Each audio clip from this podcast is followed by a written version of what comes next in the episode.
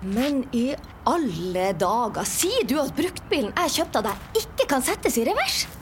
At jeg sjøl må dytte den ut av garasjen? Men det er jo en diger SUV! Gikk ikke bruktbilkjøpet helt som planlagt? NAF-medlemmer får juridisk hjelp hele døgnet. Bli medlem på naf.no. Vi i Rema 1000 kutter igjen prisene. Nå på en mengde påskefavoritter. Eksempel kutter vi minst 25% på gourmetstykket fra Hatting, 150 gram bacon fra Nordfjord, rett i koppensuppe fra Toro og andre påskefavoritter. Alt dette og enda flere priskutt på minst 25% For det er sluttsummen på påskehandelen som teller. Og husk at vi fortsatt har fryst prisen på over 1000 varer.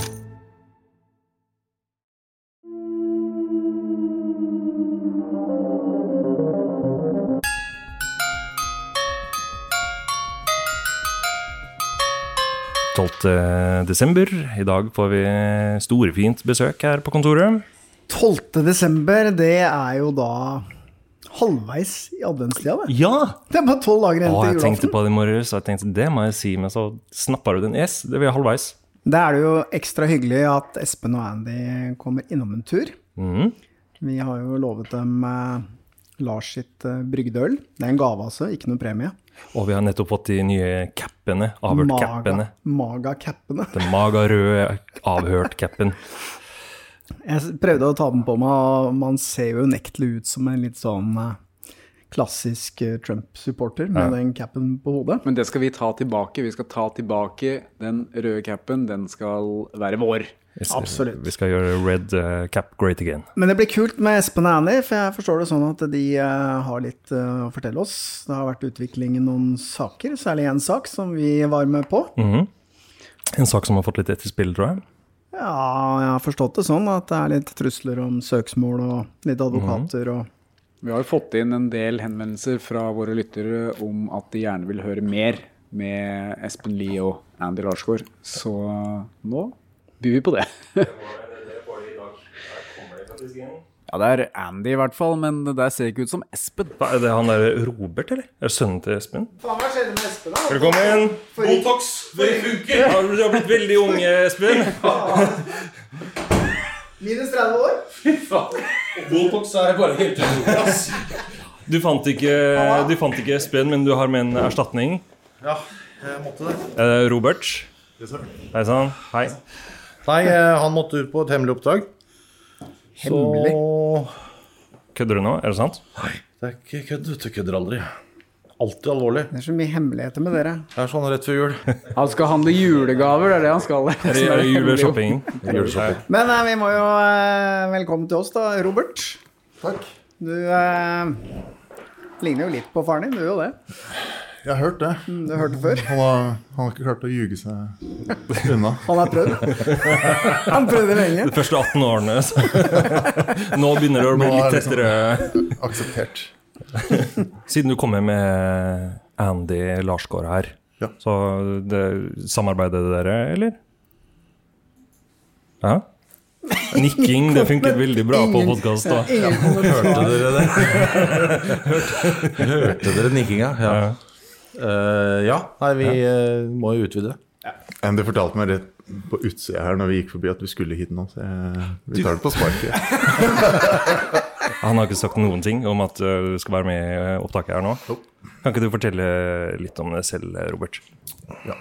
Robert Lie, sønnen til Espen, som er årsaken til at jeg er her.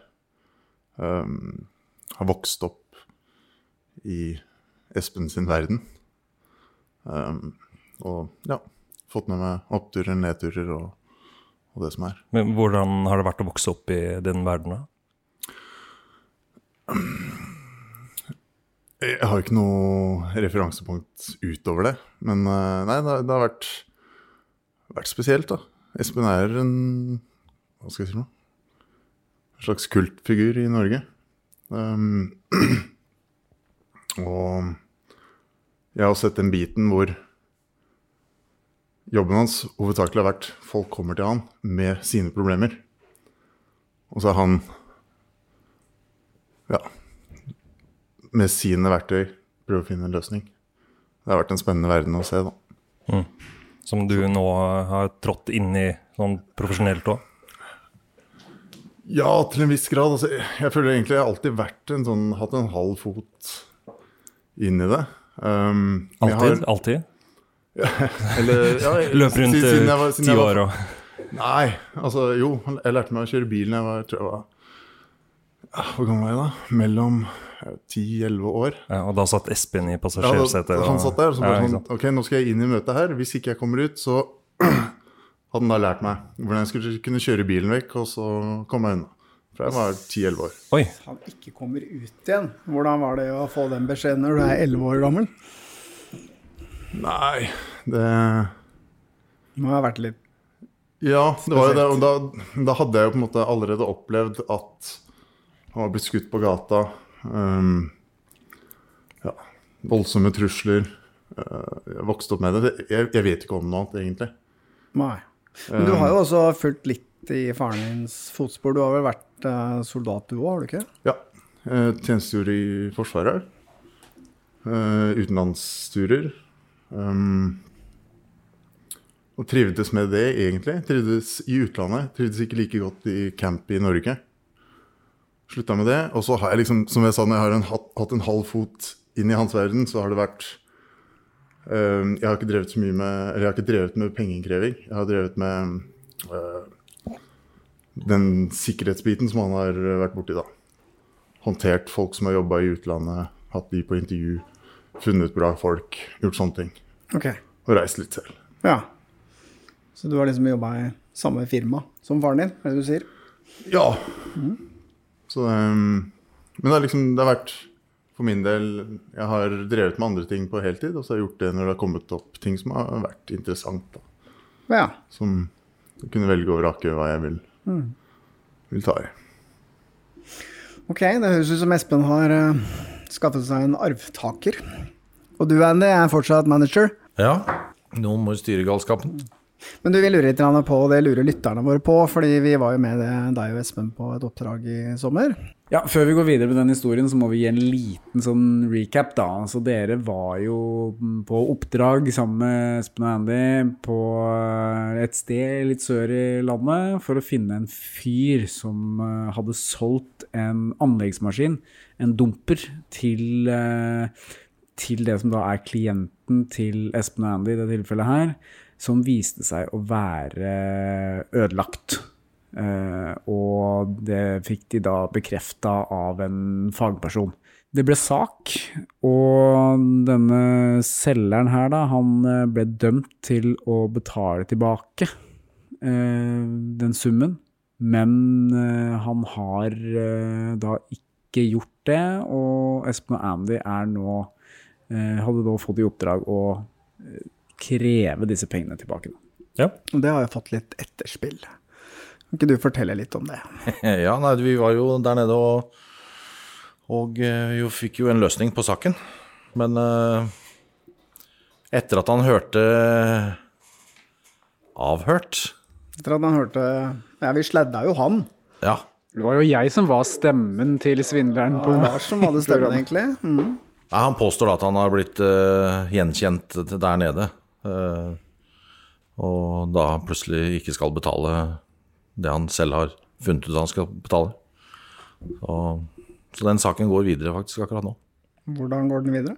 Det, det ender nok med et forlik der, tenker jeg. Igjen. Um, Alternativet er jo rettens vei, da. Men nå, klient vil jo gjerne gå rettens vei. For å få alt, egentlig. Han mener at det er blitt eh, eh, kommet med trusler fra dere. Han mener at det er trusler uh, utstedt av oss. Eh, vi vet jo at dere har jo teipa det med lyd, eh, så vi har jo alt på det tørre. Vi var jo hos eh, han, hjemme hos han i syv-åtte sekunder. Bare ga et visittkort, liksom. Så saken går videre. Men det, det Den løser seg nok, den. Ja, Vi har jo fått noen eh, mail, vi og Helge. Du har jo vært mottaker av de eh, e-postene. Kan du si litt om det? Ja, han, øhm, jeg var på vei ut av kontoret her en dag, og da hadde jo denne episoden eh, som heter Espen og Andy på oppdrag eh, ligget ute i en måneds tid. Og så ringer telefonen, jeg hadde pakka ned alt sammen der og var på vei ut døra. Og så eh, tar jeg telefonen og hører jo med en gang hvem det var. Han hadde jo en veldig sånn gjenkjennelig stemme. Og så spør han sånn Er det du som er ansvarlig for denne podkasten? Og «Eh, Ja. Og da satte han i gang og skjelte meg ut. Og jeg måtte jo bare ta den ned med en gang. Og vi, jo, vi hadde jo en liste på ti endringer, i tillegg til det som i utgangspunktet lå der, med nye anonymiseringer. Så huset hans forandra farge, og vi tok bort mye, veldig mye. Eh, Så da ga han seg egentlig overfor eh, oss, da.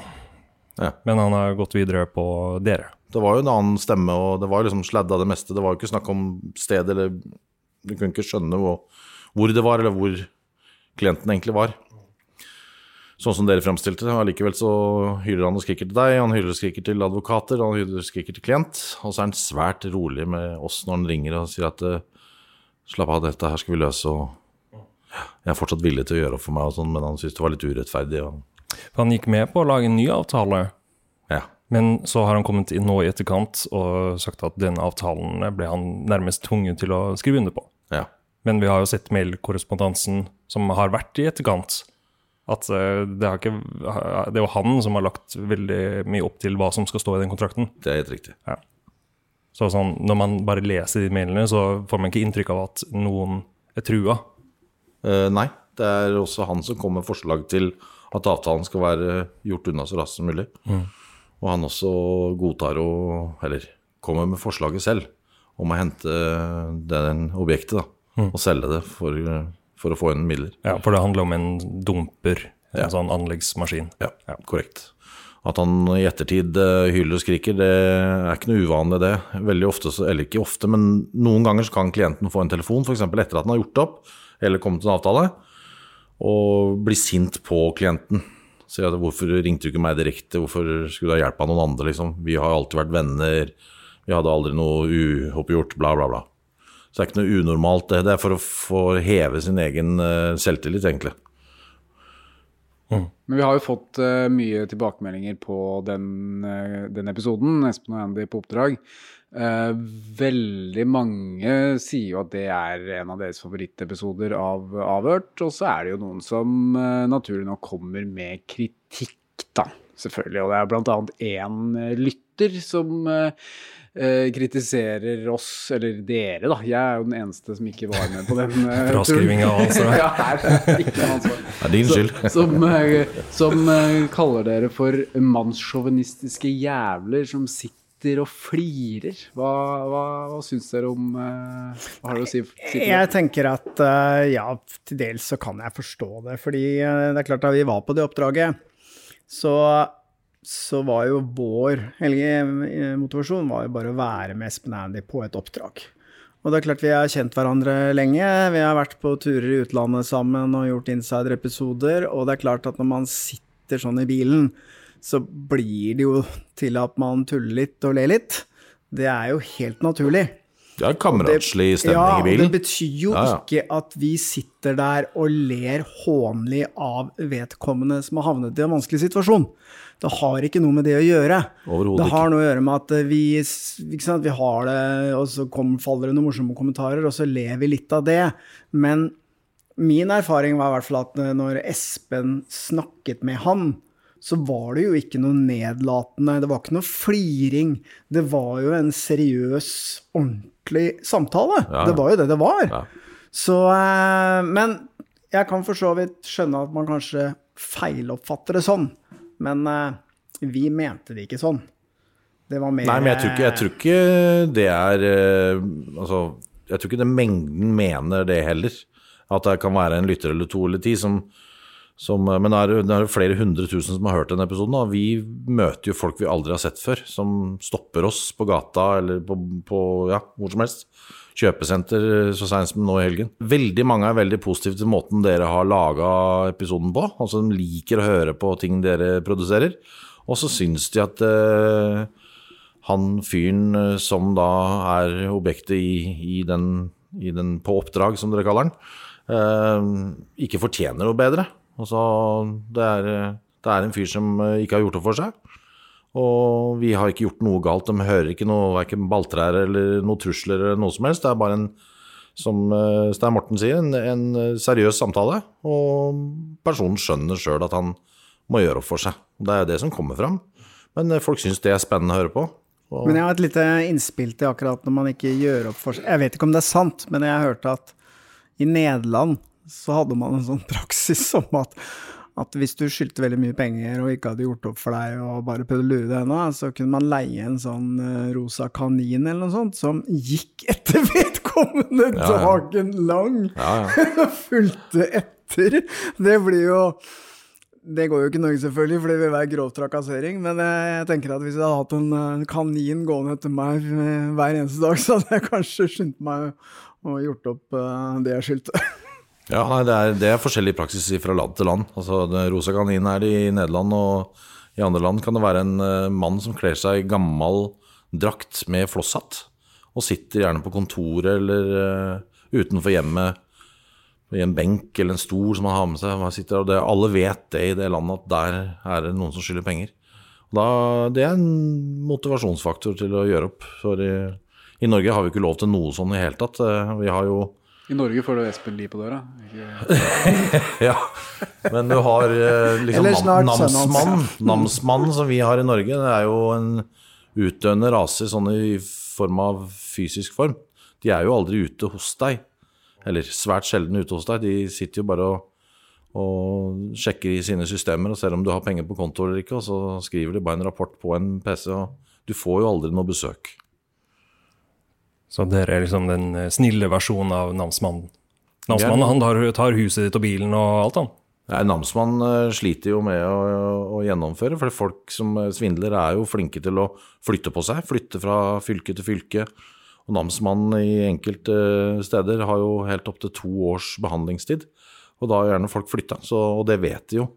Flytte postadresser og så videre. Så de, de, til slutt så gir namsmannen opp, og det ender i papirkurven. Ja. Den personen som vi prater om fra den casen, det oppdraget, han eh, hevder jo at det dere to gjorde der, var ulovlig. Hva, Ja, hva tenker du om det. Å ringe noen og spørre om noen skylder penger, det tror jeg ikke er veldig ulovlig. Men Nei? nei. Men eh, hele det her med å komme sånn eh, privat, er dere et inkassobyrå, eller?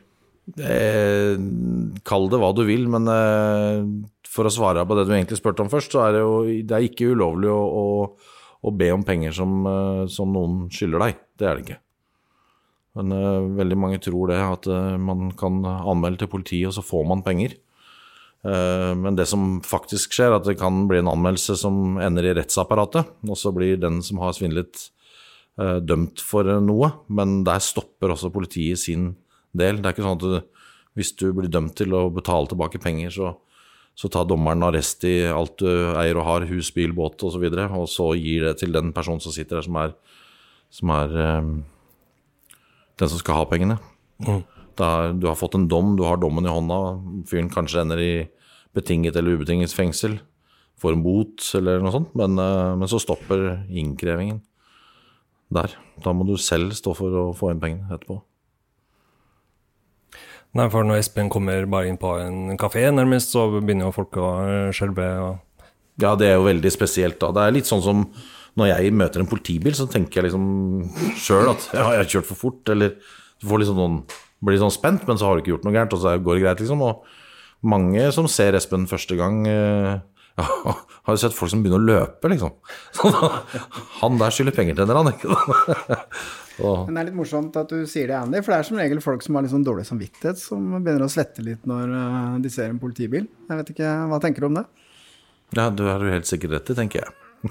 Vi har jo en annen eh, sak som eh, veldig mange er interessert i. For vi, vi Jeg sier vi igjen, selv om det var noe jeg ikke var med på sjøl. Men uh, Helge Aastad Morten var jo med dere til Finland Ja. i en insider-episode. Og etter at den gikk på TV, var det veldig mange som sendte inn uh, meldinger til oss og spurte hvordan uh, hva som skjedde videre. For det ble jo ikke noe løsning på den saken i det TV-programmet. Har du lyst til å gi en liten oppdatering på den saken? Ja, så Stein Morten ble jo lovet av svindleren at han skulle betale innen en eller annen dato i oktober, men det var jo ikke det, Stein Morten? 15. Oktober. 15. oktober, Ja, en 15. senere. oktober, ja. ja. Det her var jo en båtsvindler. Han eh, hadde solgt en båt eh, som eh, var nede i Italia, til et norsk ektepar. Ja, Ja. Som aldri ble levert. De betalte.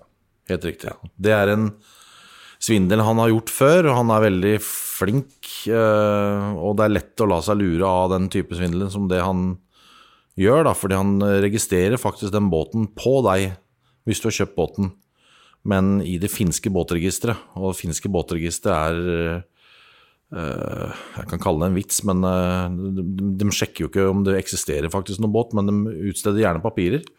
Så lenge du betaler de 200 euroene eller hva det er som, som skal til. Og så får du det med norsk adresse på, som du kan ta til det, det norske forsikringsselskapet og, og forsikre båten din. Og eh, forsikringsselskapet nekter å betale ut noe selvfølgelig når det ikke kommer noe båt, men, eh, men det gjør at mennesker som er kanskje litt eldre, eh, som han bevisst går etter, betaler ut eh, penger fordi de allerede har fått et dokument som det står at du er eier av båten. Men har det blitt noen løsning på den saken, da? Det Nei, er, gått, eh, eh, så, det, siste, det siste som har skjedd i den saken, er at uh, i mars, når vi skulle reise sammen igjen for å dra til Finland Det var jo snakk om det, for å, for å ta tak i det. For nå har vi funnet verdier som han har. Gjennom uh, familiemedlemmer av han selv, så har vi funnet verdier i utlandet.